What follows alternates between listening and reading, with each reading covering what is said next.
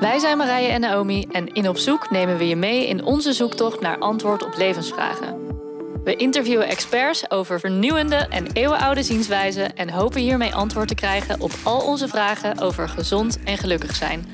We hebben het over hypnose, Ayurveda, vorige levens, Reiki, cultural appropriation en nog veel meer onderwerpen waar je stiekem meer over wil weten, maar niet met iedereen over durft te praten.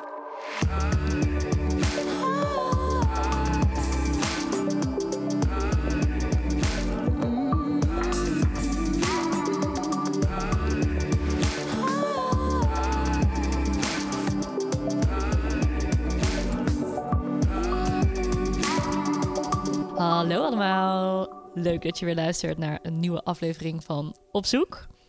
We hebben weer een lekker mysterieus, eeuwenoud onderwerp voor jullie, namelijk Ayurveda, de Indiase gezondheidsleer. En daarbij hebben we iemand uitgekozen waar we heel erg trots op zijn, Martine van Beuzenkom. Zij is de oprichter en docent van de vierjarige Ayurveda-opleiding bij Delight Yoga. Ja, met haar hebben we het over de basis van Ayurveda. Dat zijn de elementen en de drie dosha's, waar je misschien wel eens van hebt gehoord: Vata, Pitta en Kapha. Um, Martine gaat uitleggen wat dit is. Dus no worries als je geen idee hebt waar we het nu over hebben. Uh, en daarnaast geeft ze praktische tips hoe je Ayurveda kan toepassen in je leven om je gewoon lekkerder te voelen. We wensen je heel veel plezier met deze aflevering.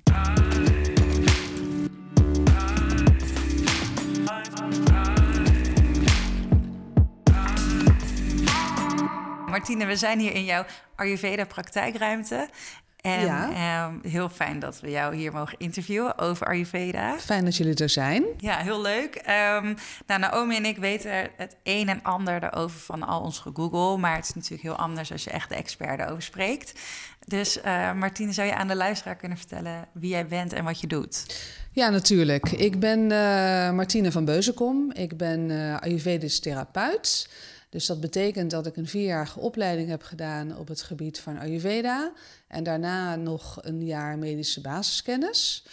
Ik voer praktijk, dus ik zie cliënten die komen met uh, gezondheidsvragen en problemen en klachten. En daarnaast ben ik uh, docent, met name voedingsleer en therapeutische vaardigheden, aan de Delight Academy Ayurveda in Amsterdam. Um, en ik ben daar ook co-director van samen met mijn collega Koen van de Kroon. Dus wij sturen ook de vierjarige opleiding uh, daaraan. Dus dat is, uh, dat is wat ik doe op dit moment. Dus je ziet veel mensen? Ja, ja, ja, ik zie veel mensen. Ja, zowel cliënten als studenten, dat klopt. Dus de hele week is daar ook mee gevuld? Ja, die week is daar zeker mee gevuld. Want de lessen van de vierjarige opleiding vinden met name plaats in het weekend. Dus dat is dan zaterdagen en zondagen. Dat zijn meestal blokken van twee, drie of vier dagen. Um, en door de week uh, zie ik uh, cliënten. Dat is iets minder dan dat het in het verleden was op dit moment, omdat de opleiding veel, uh, veel vraagt. Dus ja, en door de week ben ik regelmatig in Amsterdam, ook voor management dingen en ja, het opbouwen van, van de academy. ja. En voor de luisteraar die niet zoals wij hier al flink op heeft lopen googelen, uh, wat is Ayurveda? Ja, er is natuurlijk heel veel, heel veel over te vertellen. Dat is een hele brede vraag. Uh, daar praten wij hele dagen over vol um, tijdens de opleiding. Um, en je kunt zeggen dat Ayurveda de wetenschap is van een lang en gelukkig leven en alles wat daarbij hoort. Het is een, een gezondheidssysteem en dat kan preventief uh, gebruikt worden, als wel ook om klachten en ziektes te behandelen. Er, er kan van gezegd worden dat het een holistisch systeem is. Dat betekent dat een uitgangspunt is dat zowel uh, body, mind en soul betrokken zijn. En dat daar ook altijd een relatie tussen bestaat. Dus dat neem je ook mee in de behandeling. Nou, dus er zijn natuurlijk heel veel voorbeelden te bedenken van, uh, um, uh, van invloeden uh, daartussen. Op het moment dat je iets, iets denkt, dan kan dat zich vrij snel vertalen ook in een, in een gevoel in je lichaam. He, er wordt ook gezegd dat elke gedachte de prana beïnvloedt. Wat is prana? Uh, prana is de levensenergie. Oh, ja. Dus elke gedachte uh, kan dat uh, beïnvloeden. Dus ehm, het holistische is daarin ook een belangrijk, eh, belangrijk uitgangspunt. En de manier waarop het in de praktijk wordt gebracht, is dat Ayurvedische therapeuten werken met verschillende remedies. Dus er wordt altijd gekeken bij cliënten naar de leefstijl, naar de dagelijkse routine, naar voeding. En er wordt gewerkt met Ayurvedische behandelingen en ook met kruidentherapie en ook met Ayurvedische yoga. Dus um, er kan op heel veel verschillende manieren kan er behandeld worden. En de juiste behandelmethode wordt altijd gezocht in een gesprek met de cliënt. En er wordt altijd gekeken van wat zijn met name de oorzaken van, uh, van de klacht. En dan wordt er gekeken van hoe kunnen we dat het beste gaan behandelen. Ik vind het heel mooi hoe de opleiding wordt beschreven als Study for Modern Life. Ja. Uh, bij Delight. En omdat het natuurlijk zo'n oud systeem is, want het is geloof ik 5000 jaar oud, zeg ik dat goed? Ja, ja de, we weten niet precies hoe oud het is, maar we kunnen wel teruggaan naar 4.000, 5.000 jaar uh, geleden. Dus dat klopt inderdaad. In India, toch? Ja, dat is zo. Het is inderdaad een, een uh, vrij um, ja, oud en ook doorleefd systeem. Dus ongeveer 4.000, 5.000 jaar oud. En het mooie is dat we zien dat het nog steeds toepasbaar is in de, in de moderne wereld. Je ziet ook dat het, uh, dat het over de hele wereld gebruikt uh, wordt en ook met, met succes. We kennen een aantal klassieke geschriften, de sastra's. En daarin zien we dat, dat Ayurveda en de methodes uitgebreid gedocumenteerd zijn. In die tijd waren er een aantal hele getalenteerde artsen uh, de siers in die tijd, die heel veel um, ja, kennis en inzichten hadden verzameld op het gebied van, uh, van Ayurveda.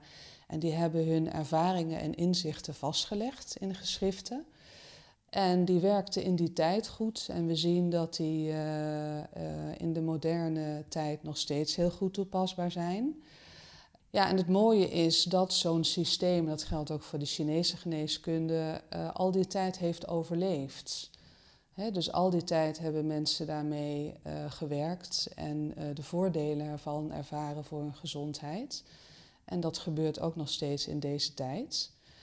Je kunt natuurlijk zeggen van ja, maar onze tijd waarin we nu leven is toch nog wel een klein beetje anders dan, dan dat dat toen was. Dus we hebben natuurlijk bepaalde gewoontes die anders zijn, of bepaalde producten die we nu gebruiken, die ze toen niet gebruikten. Maar um, omdat het een universeel systeem is, waar een bepaalde wetenschap aan te grondslag ligt, kun je het nog steeds op allerlei manieren gebruiken. En uh, voor sommige dingen geldt bijvoorbeeld melk. Dat wordt beschreven um, als een hele belangrijke, um, voed belangrijk voedingsmiddel in Ayurveda. Maar als we kijken naar de kwaliteit van melk in deze tijd, is die natuurlijk wel anders dan. Hè, dan Verse melk van uh, de koeien die ze precies, in de tuin Precies. Dus daarin zien we natuurlijk ook dat je door de tijd heen daar wat aanpassingen uh, op moet maken. En wat zou een aanpassing op melk bijvoorbeeld dan kunnen zijn? Nou we leggen dan ook in uh, lessen uit hoe we kunnen kijken naar de kwaliteit van melk. Dus met name ook van hoe wordt die bewerkt in deze tijd. Uh, en hoe wordt er voor de koeien gezorgd. Dus dat, dat, dat, uh, dat speelt allemaal een rol. En we zien in deze tijd natuurlijk dat steeds minder mensen melk kunnen verdragen. En dat heeft een aantal redenen. En ook ja, hoe, we, hoe we met de melk omgaan. Um, waardoor die minder goed verteerbaar wordt voor heel veel mensen en mensen daar klachten mee krijgen. En bovendien speelt natuurlijk ook het, het aspect van het milieu mee. Dus ik merk ook in klassen dat studenten daar ook naar vragen. Hè, van wat is dan het standpunt als we kijken naar de moderne tijd? Um, of bijvoorbeeld in lessen dat ook steeds meer studenten ook er een uh, veganistische levensstijl op nahouden. Um, en dan is het mooie van het Ayurvedische systeem dat het niet dogmatisch is, maar dat het dan ook uh, ondersteunt uh, op dat gebied. Dus dan spreken we ook over van ja, wat, wat kan Ayurveda daarin uh, in betekenen en hoe kijken we daarnaar? Want Ayurveda gaat uit van vijf elementen, toch? Ja, dat klopt. Um, ja. En zijn, die zijn dan neem ik aan de basis van hoe je het dus ook um, ja, bekijkt in deze moderne tijd, zeg maar, die blijven altijd hetzelfde, die elementen. Ja, die blijven altijd hetzelfde. Ehm, het is inderdaad zo dat het hele Ayurvedische systeem is voornamelijk gebaseerd op de Sangya-filosofie. En de Sangya-filosofie legt uit hoe bewustzijn zich evolueert in materie. Ehm, en uiteindelijk komen daar dan de vijf elementen uit. Zeg ik het heel erg kort. Ehm, en die vijf elementen die zijn inderdaad de basis en het uitgangspunt voor het Ayurvedische systeem. En op basis van de vijf elementen zijn de drie dosha's gevormd. En dat zijn eigenlijk de drie bio-energieën waar Ayurveda mee werkt. En dat zijn ook wel de begrippen die heel veel mensen kennen. Dat zijn Vata, Pitta en Kapha. En deze bio-energieën die bestaan altijd uit twee elementen. Dus Vata is um, ether en lucht. En Pitta is vuur met een heel klein beetje water. En Kapha is water en aarde. Um, en die zijn bij iedereen in uh, net iets andere um, hoeveelheid aanwezig. En dat vormt altijd een, uh, ja, een, een, een, belangrijk ding bij de, bij de analyse. Dus om vast te stellen van wat, wat is iemands constitutie, dus hoeveel vata, pitta en kapha zit erin, uh, wat is eventueel een verstoring van de balans van vata, pitta, kapha en hoe kunnen we dat herstellen. Dus je hebt altijd, je bent niet één van die dosha's. Je hebt meerdere. Nee, je bent altijd, iedereen heeft alle dosha's. En uh, de verschillen bij mensen zijn maar heel klein. Dus ik hoor wel eens mensen zeggen van ja, ik ben alleen maar vata en pitta. Maar dat wil je niet zijn, want kaffa heb je ook heel hard nodig. Dus vata uh, bestaat uit eten en lucht. En dat is bijvoorbeeld het principe in het lichaam wat verantwoordelijk is voor alles wat beweging is. dus op het moment dat je je vingers beweegt, of dat je spreekt, of de bloedsomloop, dat, dat vindt allemaal plaats um, door vata. Um, en het principe van pita uh, zien we in het lichaam op plekken waar transformatie plaatsvindt. En het belangrijkste is onze spijsvertering, waarbij voeding omgezet wordt in, in uh, voedingsstoffen in de dunne darm. Um, daar speelt het principe vuur een hele grote rol. En alles wat kaffa is, water en aarde, dat is het principe van de stabiliteit. He, dus in het lichaam is alles wat bijvoorbeeld botten en tanden, um, uh, heeft te maken met meer het aarde-element. En alles wat water en slijm en vloeistoffen, dat heeft meer te maken met het waterelement. Dus dat heeft ook iedereen. Dus iedereen heeft alle principes. Je kan niet zonder. Nee, je kan niet zonder. Uh, maar het kan een klein beetje verschillen. Kun je een voorbeeld geven van bijvoorbeeld uh, iemand die te veel pita heeft? Mm -hmm. Wat voor klachten krijg je dan? Ja, iemand die, veel, die te veel pita heeft, die heeft um, dus net wat te veel van het element vuur. En dat kan zich op verschillende manieren uiten. Dat kan fysiek zijn en dat kan ook mentaal zijn. Uh, de pita uh, is van nature iemand die um, uh, intens is. Iemand ook die gestructureerd is. Op het moment dat een pita wat uit balans is, dan kan die boosheid krijgen, irritatie, overgestructureerdheid, dat soort emoties. En het kan zich lichamelijk uiten, bijvoorbeeld in het hebben van ontstekingen of bijvoorbeeld huidproblemen waar roodheid ook aan de orde is. Of maagzuur, dus alles wat, wat vurig, zuur, branderig, branderig ja. precies. Dus dat zijn echt pita-klachten. Uh, ja. of hitte, dan, hittegevoel bijvoorbeeld. Hoe weet je dan uh, van jezelf um, wat je constitutie is? Of zeg maar, ja, niet per se wat er uit balans is, maar meer van waar je het meest van aanwezig hebt? Ja, er zijn heel veel uh, van die mooie lijstjes die je kan invullen. En dan kun je kijken van wat is mijn constitutie. Het is niet altijd gemakkelijk met die lijstjes, omdat je um, kijkt naar uh, hoe, hoe zie ik mezelf op dit moment. Dus het is niet altijd makkelijk eruit te halen van wat hoort nou bij mijn basisconstitutie of wat is nou de verstoring. Dus op het moment dat er gevraagd wordt van uh, ervaar je onrust, dat is bijvoorbeeld een typering van vata, kan het natuurlijk zijn dat je dat op dit moment voelt, maar dat dat misschien niet bij je hoort. Dus er is eigenlijk een verschil tussen je basisconstitutie en hoe het op dit moment met je Precies. gaat. Precies. Ja, dus iedereen wordt geboren met een basisconstitutie. En vaak zijn er twee dosha's die zeg maar daar de, de overhand in hebben. Dus vaak zien we van iemand is een Pitta Kapha of iemand is een uh, Vata Pitta.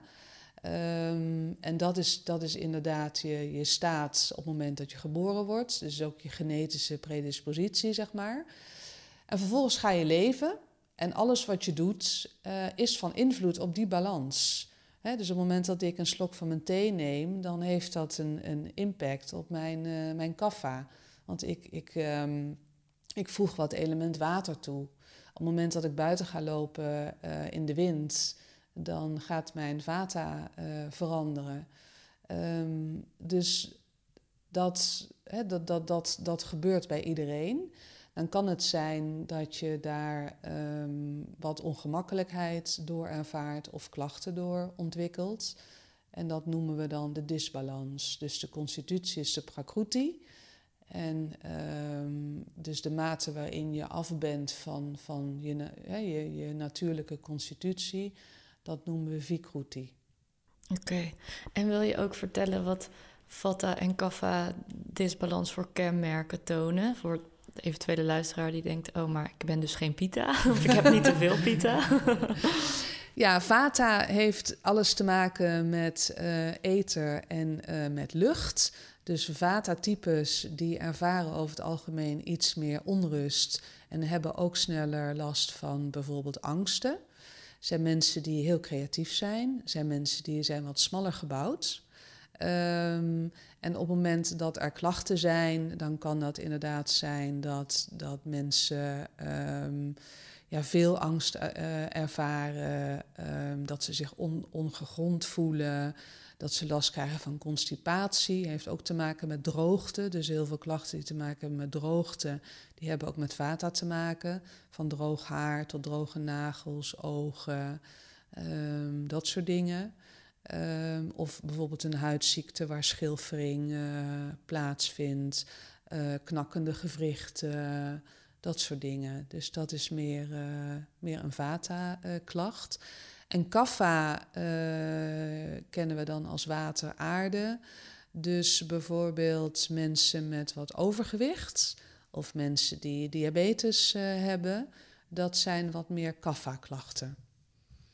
En de manier waarop je dat dan gaat behandelen, is dat je ook weer teruggaat naar de elementen en de kwaliteiten van die elementen. En dat je altijd gaat proberen om op het moment dat iemand te veel kaffa heeft, water-aarde-element, uh, elementen, hoe ga je dat dan verminderen? En dat ga je verminderen door tegengestelde kwaliteiten toe te voegen. Dus op die manier wordt er dan behandeld. Dus dat is dan bijvoorbeeld vuur? Ja, bijvoorbeeld vuur inderdaad. Of, uh, of wat meer droogte. Dus mensen met slijmklachten. Um, dan probeer je om dat slijm inderdaad met vuur eigenlijk op te branden, om het zo maar te zeggen. Uh, of te verdrogen met meer uh, verdrogende middelen. Kun je een voorbeeld geven wat dat dan is? Wat eet je dan meer pittig bijvoorbeeld?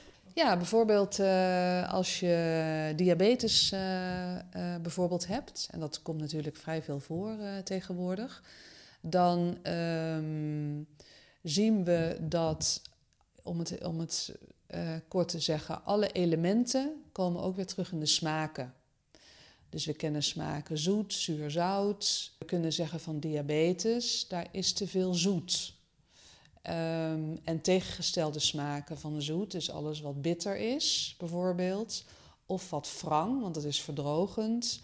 Of inderdaad scherp. Wat zijn wrangen? Wat, wat moet ik me daar voor ingrediënten bij voorstellen? Ja, wrang is een, een lastige smaak. Wrang is bijvoorbeeld als je een onrijpe banaan in je mond neemt.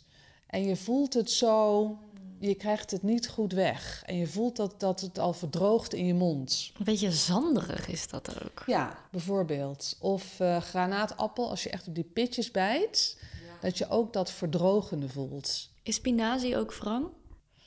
Ehm, dat is iets meer bitter. Dat heeft ook dat gekkige gevoel soms. Ja, dat kan, het kan wel zijn dat dat er ook een beetje in zit. Dus dat, dat is inderdaad wrang. En je merkt, dat is wel leuk als je dat zeg maar in je mond opmerkt. Betekent het dat de smaak wrang ook die actie op het lichaam heeft.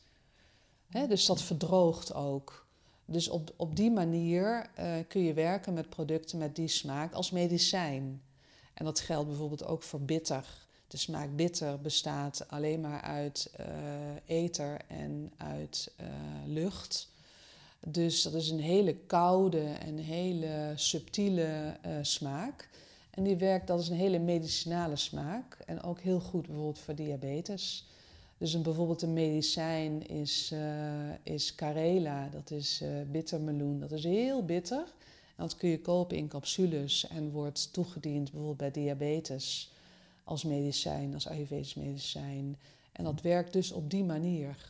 Even kijken of ik het goed begrijp hoor. Want ik heb het idee dat mijn vata een beetje te veel is. Mm -hmm. um, dus dan zou ik geen granaatappel.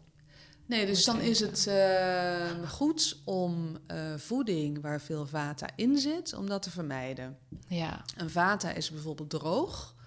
Dus, uh, geen droge rijstwafels meer. Geen, rijst, geen droge rijstwafels meer. Oeps. Geen crackers.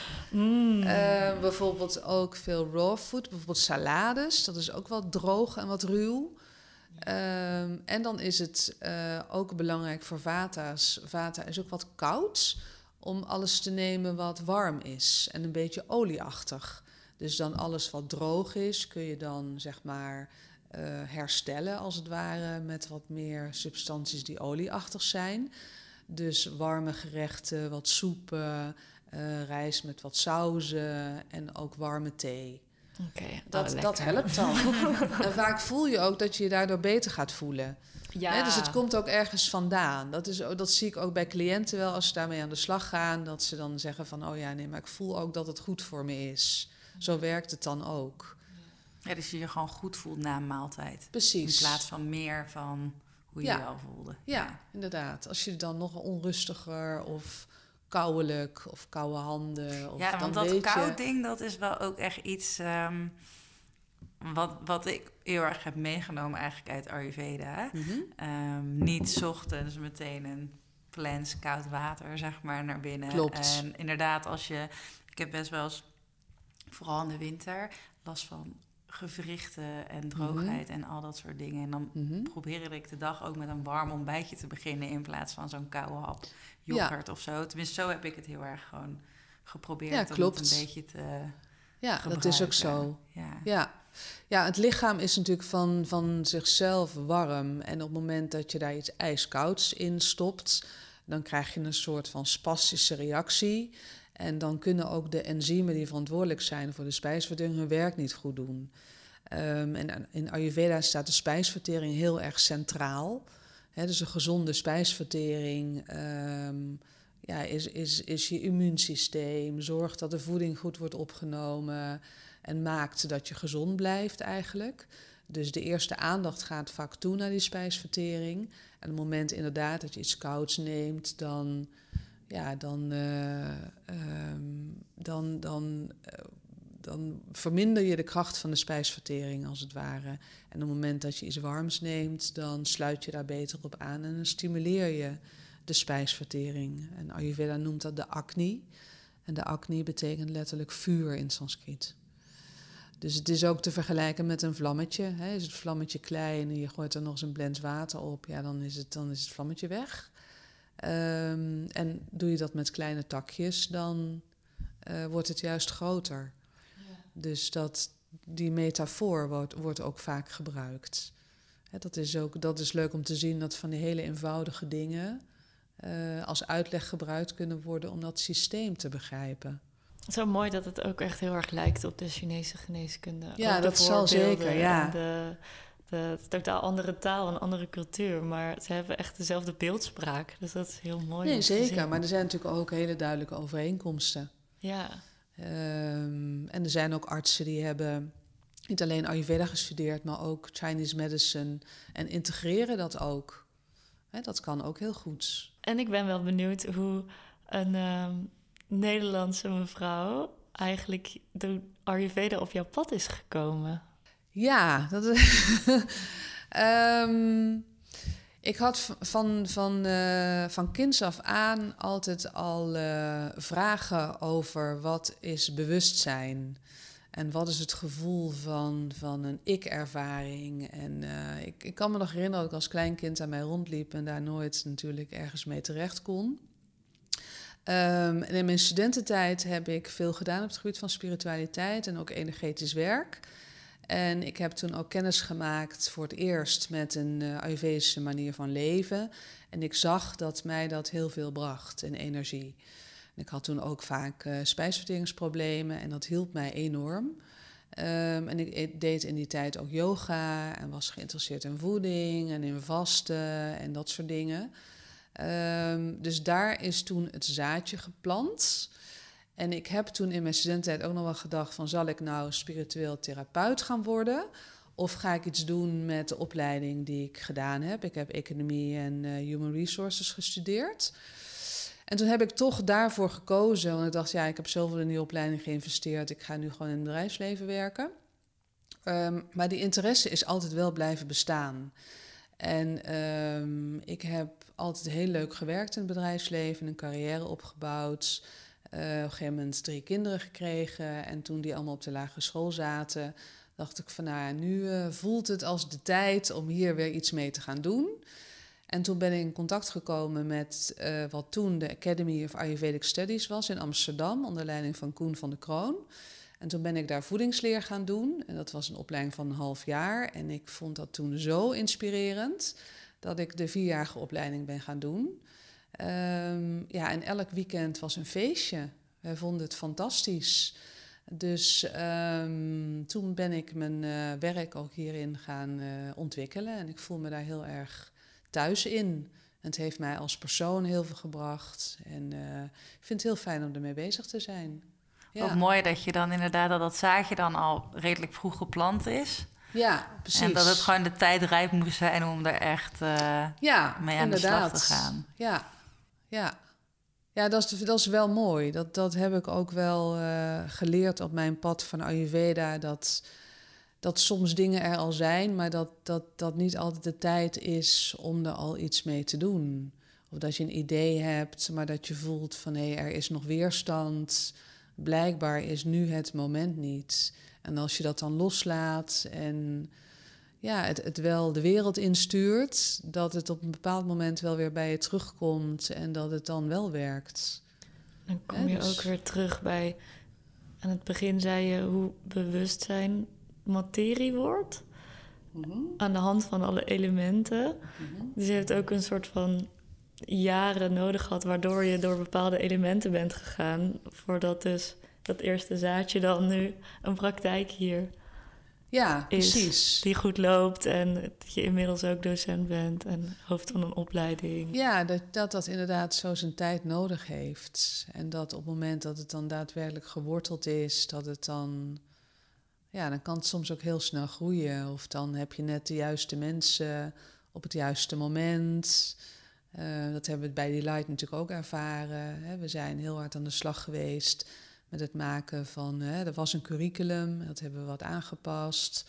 En we presenteren de opleiding en daar komen ja, meteen best wel veel mensen op af die het interessant vinden. Dus dan lijkt er ook een momentum te zijn. En dat is, uh, ja, dat is heel leuk om te zien. Magisch bijna. Ja, ja dus zeker. zeker. En dat we dan ook weer zien, op die manier planten we ook weer zaadjes. En dan gaan er ook weer heel veel andere, andere mensen mee aan de slag op hun eigen manier. En wordt het uitgedragen en uh, ja, kunnen we het ook hier in Nederland laten groeien. Want de, de Ayurvedische geneeskunde is nog niet zo bekend. Ze kennen Ayurveda wel veel vanuit wellness en uh, van Vata Pitta Kapha thee. Uh, maar echt als een geneeskundig systeem, zoals we bijvoorbeeld wel kijken naar homeopathie, dat heeft Ayurveda ook. En dat, dat wilden we ook heel graag in deze opleiding laten zien. Dus de laatste twee jaar gaan er echt ook over hoe kunnen we klachten behandelen um, en ziektebeelden behandelen. En hoe kunnen wij als Ayurvedische therapeuten iets toevoegen um, aan, aan hedendaagse ziektebeelden. Op een vrij eenvoudige manier en ook goedkope manier. Dus dat, ehm, ja, ja, dat, is wel wat we ons drijft. We hebben het daar al kort al over gehad, volgens mij. Maar misschien goed om ook nog eventjes op in te gaan. Um, wat de Ayurvedische kijk is van hoe ziekte zich manifesteert. Ja, hoe manifesteren zich ziektes bij Ayurveda? Ayurveda kijkt er zo tegenaan dat elke disbalans begint in de spijsvertering. dus um, op het moment dat er qua voeding of qua leefstijl of qua uh, hoe mensen met zichzelf omgaan, dat daar iets gebeurt. Ja, dat is, dat is zeg maar de start. En vervolgens uh, gaat het verder het lichaam in. En het aardige om te zien is dat um, Ayurveda onderscheidt zes stadia van ziekteontwikkeling voordat zich daadwerkelijk een klacht echt manifesteert. Um, en op die manier kun je ook zien als Ayurvedisch therapeut van hoe ver is de klacht. Uh, dus hoe moeilijk is het om die terug te dringen. Um, wat Ayurveda ook altijd doet, is kijken ja, wat is nou precies de oorzaak van de klachten. Hè, op het moment dat er een cliënt komt, gaan we altijd kijken van ja, er is van alles aan de hand, maar waar komt het nou precies vandaan? En dan zien we dat heel veel terug te voeren is op voeding en levensstijl. Manier van eten, voedingscombinaties, uh, stressfactoren heel sterk. Hoe gaan mensen met elkaar om? Wat voor keuzes maken ze op het gebied van werk? Uh, waar bestaat hun vriendenkring uit? Eigenlijk alles. Alles wat ze doen, wat ze denken, wat ze ondernemen, is daarop van invloed. Dus Ayurveda sluit daar ook heel erg aan bij leefstijlgeneeskunde, wat we nu zien ontwikkelen. Um, dus we gaan altijd kijken van ja, wat, wat is nou de voornaamste oorzaak? En dat gaan we behandelen. Uh, en dat onderscheidt natuurlijk ook dit soort systemen van een reguliere geneeskunde. Dat we altijd kijken van ja, wat is de oorzaak? We behandelen niet een symptoom, maar we willen echt kijken waar het vandaan komt. En dan is het ook heel mooi als je met een cliënt een bewustwordingsproces door kan maken, waarin ze ook zelf gaan zien hoe ze hun eigen gezondheid kunnen beïnvloeden. Uh, en dat ze beschikken over een zelfgenezend vermogen, wat ze kunnen stimuleren of wat ze zelf kunnen onderdrukken. Nou, als we kijken naar uh, een, uh, een klacht of een aandoening die we tegenwoordig veel zien, is dat bijvoorbeeld maagzuur. Nou, Ayurveda noemt dat eigenlijk het hurry, worry en curry disease. Dat betekent dat de oorzaken uh, veelal liggen in de levensstijl van mensen. Dus dat het allemaal snel, snel, snel, snel eten, snel leven. Um, en daardoor niet goed letten op, uh, hè, op hoe, we, hoe we dingen eten en hoe we ze verteren.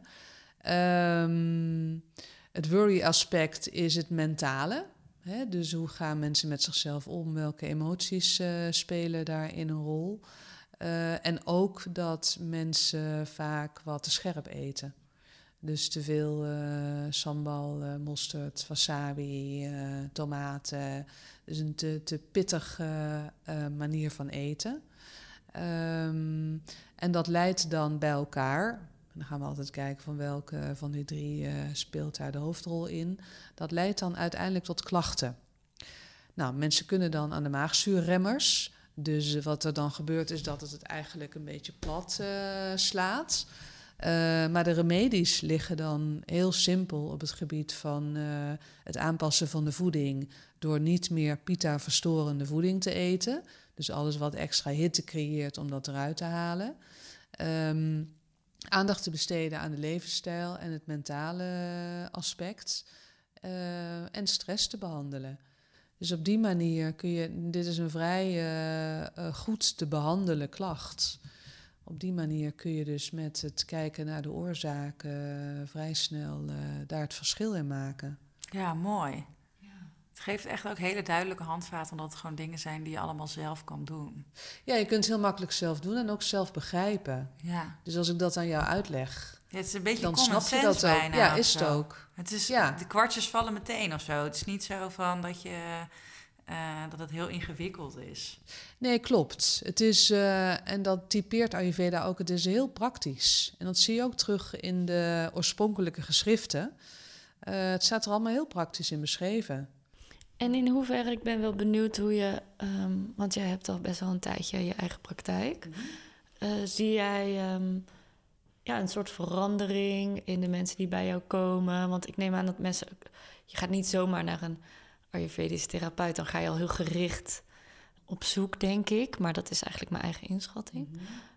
Nou ja, we hebben zelf natuurlijk ook erg de wens om uh, de aansluiting te zoeken met westerse geneeskunde. Omdat ik denk dat beide systemen zijn waardevol. Uh, en het zou heel mooi zijn als je uh, patiënten of cliënten meer behandelopties zou kunnen aanbieden. Dus ik krijg hier mensen inderdaad die uh, um, zien dat hun klachten niet regulier verder te behandelen zijn. En dan zie ik dat wij nog best wel het een en ander kunnen doen. Dus veel voor mensen nog kunnen betekenen. Natuurlijk komen er ook cliënten die wel bekend zijn met Ayurveda of met yoga. Maar toch ook wel mensen die gewoon van hun klachten af willen. Of die gehoord hebben van iemand anders die baat had bij. Um, en die, die, dan komen en die gewoon, uh, ja, gewoon graag behandeld willen worden voor, uh, voor wat er uh, aan de hand is. Je hebt natuurlijk wel altijd de hulp nodig van je cliënt. In de zin van dat mensen zelf ook iets moeten doen. Dus dat, hè, we weten allemaal hoe moeilijk het is om gewoontes te veranderen op het gebied van, uh, van voeding en ook van levensstijl. En soms zie je ook wel dat het een aantal maanden goed gaat en dan komt er toch weer een dipje. Dus dat, die bereidheid moet er wel zijn. En is er ook nog een manier waarop je dat probeert te ondersteunen of zo? Ja, door mensen regelmatig te zien. En door mensen gewoon heel praktisch dingen aan te reiken waar ze mee aan de slag kunnen. Maar ook heel goed te kijken van ja, hoe ziet jouw leven er op dit moment uit en wat kun je eigenlijk aan? Hè, bijvoorbeeld mensen die vijf dagen in de week werken, die kunnen we wel adviseren om elke dag verse soep mee naar het werk te nemen. Maar ja, de kans dat het elke dag gaat lukken. Ja. Hè, of uh, mensen die. Kleine stapjes. Die ja, kleine stapjes. En ook dat, dat is dan al goed genoeg. Dus op het moment dat wij goed kijken en zien waar met name uh, de verstoring in zit, dan kun je soms door twee dingen te veranderen al best wel grote resultaten boeken. We zien dan vrij snel van maar wat jij doet als je in plaats van dit koud warm neemt en je verandert dit. Of um, dat, ja, dan, dan heb je daar gewoon al snel resultaat mee. En voeding is vaak een makkelijk ding om mee te beginnen. Dat begrijpen mensen ook goed. En het is een beetje afhankelijk van wat mensen van Ayurveda weten of hoe ze bewust bezig zijn met dingen wat je, wat je precies kan doen. Ook uh, pranayama of yoga is heel, uh, heel effectief, maar niet iedereen kent dat. Tenminste, in mijn praktijk kent niet iedereen dat. Dus dat is ook een beetje afhankelijk. En we behandelen bijvoorbeeld ook met olie. Uh, dit is een Shirodara wat je daar ziet staan.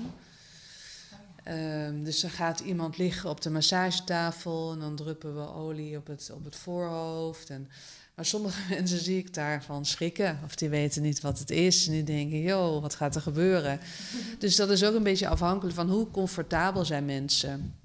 En waar kunnen ze voor openstaan? En, en, uh... Ik wil het even omschrijven, want dit is een soort uh, keteltje. Hoe ja. schrijf ik dit? ja, voor de luisteraars, want die kunnen het natuurlijk niet zien. En het hangt aan een houten uh, galgje stok.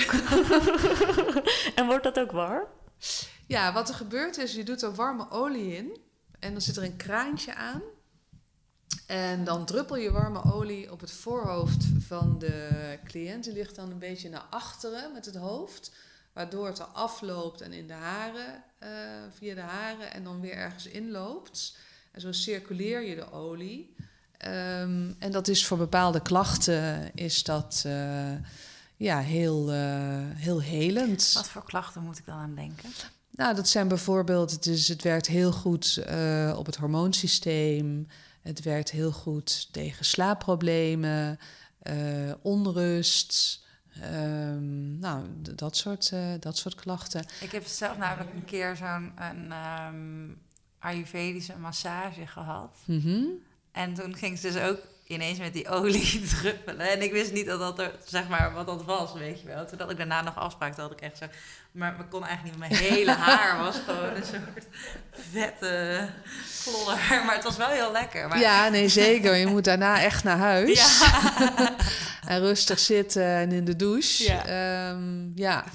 Ja. Het is een behoorlijke uh, ja, shift die mensen moeten maken. Van ik ga naar een huisarts en die geeft me een zalfje of een medicijn. Uh, Van nou, ik moet ook echt actief zelf iets gaan doen. Ja. Nou, het kan natuurlijk ook in combinatie. Want wat ik ook regelmatig uh, zie, is dat mensen hier komen en zeggen van ja, ik heb deze medicijnen. Maar ja, als ik dan bij jou een behandeling ga, dan moet ik daar zeker mee stoppen of zo. Of jij zult daar wel tegen zijn of zo. Nou, dat zijn we allemaal niet. We zijn nergens tegen. En bovendien is het nooit aan mij om te zeggen of iemand ja, door moet gaan met, met medicijnen. Dat is aan een arts. Maar we kunnen heel goed daarnaast uh, gewoon Ayurvedisch behandelen. En dan kunnen mensen dat ook in stapjes doen. bijvoorbeeld iemand met een hoog cholesterol die, uh, die aan medicatie is. Die kan daarnaast ook uh, Ayurvedische kruiden daarvoor slikken en aan de slag met voeding. En dan kan het best wel zijn dat iemand na vier maanden bij zijn uh, behandelend arts in het ziekenhuis komt, die vaststelt dat het cholesterol gezakt is en dat dus de medicatie naar beneden kan. dat is een beetje de manier. En al doen mensen maar alvast iets en nemen ze dan die kruiden en, en, en krijgen ze maar inzicht in wat, wat de rol is van voeding. Uh, ja, dat is ook al een heel mooi resultaat. Wat vind jij nou eigenlijk het leukste aan jouw beroep? En heb je eventueel nog een droom voor de toekomst of een nieuw doel of een goal? Um, wat vind ik het leukst? Nou, op dit moment zijn wij uh, natuurlijk heel erg veel bezig met het uitbouwen van de Academy. Dus zowel inhoudelijk als ook ja, qua promotie en qua netwerk. Om uh, te kijken waar we verder aansluiting kunnen vinden. En dat, dat vind ik uh, heel erg leuk om te doen. Ik vind een uitdaging om het beroep van Ayurveda practitioner ook als serieus beroep neer te gaan zetten. En wat ik heel mooi vind aan een opleiding is uh, de inspiratie die je ook krijgt van studenten. Um, dus om te zien hoe zij um, zich Ayurveda eigen maken en wat er met ze gebeurt en hoe zij zich ontwikkelen en ook de community die we daarmee uh, neerzetten. Dat vind ik heel erg leuk. Um, in mijn vak als Ayurveda practitioner vind ik het nog steeds heel erg mooi om mensen te ondersteunen in het zien van mogelijkheden hoe ze hun eigen gezondheid kunnen beïnvloeden. Dus de bewustwording van hé, hey, dit kan ik zelf, ik heb het zelf in de hand. En ook er is heel veel mogelijk dus het houdt niet op bij een pilletje en het houdt niet op bij een dieet. Dus ook al kun je, kun je daarin minder, er zijn heel veel mogelijkheden. En dat, uh, ja, dat vind ik altijd heel fijn. Waardoor mensen ook uh, meer een, een, een, geluksgevoel krijgen of hun gevoel van welzijn uh, kunnen verbeteren. Dus dat vind ik heel mooi aan het beroep. Ja, en de droom. Ik vind het leuk waar ik nu mee bezig ben en ik hoop dat we dat kunnen uitbouwen. Dat is wel mijn droom. En dat er uh, een hele mooie, bloeiende Delight Academy Ayurveda gaat staan. Met, uh, uh, met studenten die dat ook een warm hart toedragen. Um, en dat we dat in Nederland kunnen gaan kan laten zien. Ik heb toch ook nog één laatste vraag. ik ben nou eigenlijk ook wel heel benieuwd. Um, wat jij dan eet op een dag. Of zeg maar, en welke Ayurvedische rituelen, weet je? Hoe ziet dat er bij jou uit vanaf dat je opstaat? Nou, ik uh, vind het fijn om uh, altijd vroeg op te staan. En dat is ook een van de adviezen in uh, de dagelijkse routine van Ayurveda. Dan sta je met een andere energie op dan als je tot half negen in bed blijft liggen. Dan is mijn dagelijkse routine om even een moment voor mezelf uh, te nemen. Ligt ook een beetje aan van heb ik een drukke dag of heb ik een rustigere uh, dag. Dan vind ik het ook altijd heel erg fijn om een half uur buiten te lopen. Ik heb toevallig ook een hond, om dat zo uh, op die manier te doen. En dan doe ik een aantal stappen uit de dagelijkse routine van Ayurveda. Dus ongeveer twee keer in de week dat ik mezelf inolie in de ochtend. Ehm, en ook uh, de tongschaper gebruiken, dat soort dingen. Dan uh, maak ik een ontbijt voor mezelf. En als ik daar wat meer tijd voor heb, dan is dat een warm ontbijt. Um, of dan is het een geroosterd boterhammetje met wat, uh, wat humus of wat anders. Um, en dan werk ik best wel veel. Dus ik hoop dan meestal in de lunchpauze nog iets te kunnen maken van, uh, van couscous met wat groentes. Of anders uh, wat brood. En s'avonds? In de avond is het een beetje van, ja, hoe laat kom ik thuis? Kan ik zelf koken of is er iemand anders van het gezin die kookt? Want dat is natuurlijk met een Ayurvedische levenswijze in een gezin. Ja, hoe pas je dat in? Um, en ik vind ook niet dat alles wat ik belangrijk vind, dat de anderen dat ook belangrijk moeten vinden. Dus daar zoek ik altijd wel een balans in.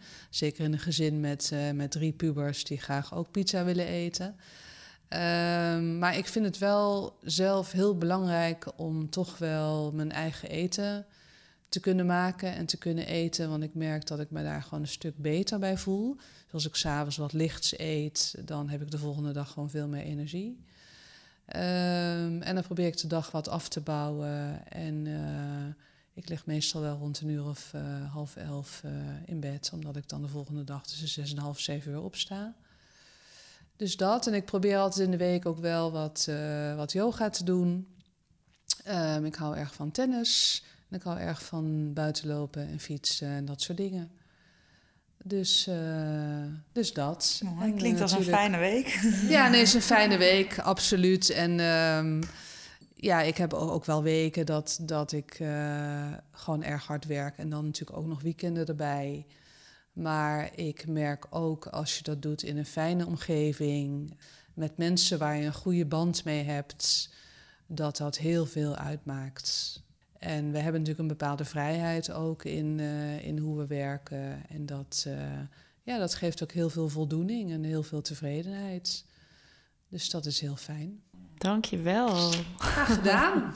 heel leuk. En hoe kunnen mensen jou vinden of bereiken, contacteren? Ik heb een website en daar kunnen ze me vinden of gewoon via Delight Academy. En dat staat op de website van Delight Yoga. Dus dat moet altijd lukken. En uh, daar staat onze vierjarige opleiding uh, op met een mailadres. En mijn eigen website is www.foodforchange.nl. Uh, en daarop kunnen mensen ook mailen. Oké, okay, dankjewel. Ja, mooi. Graag gedaan. Dankjewel.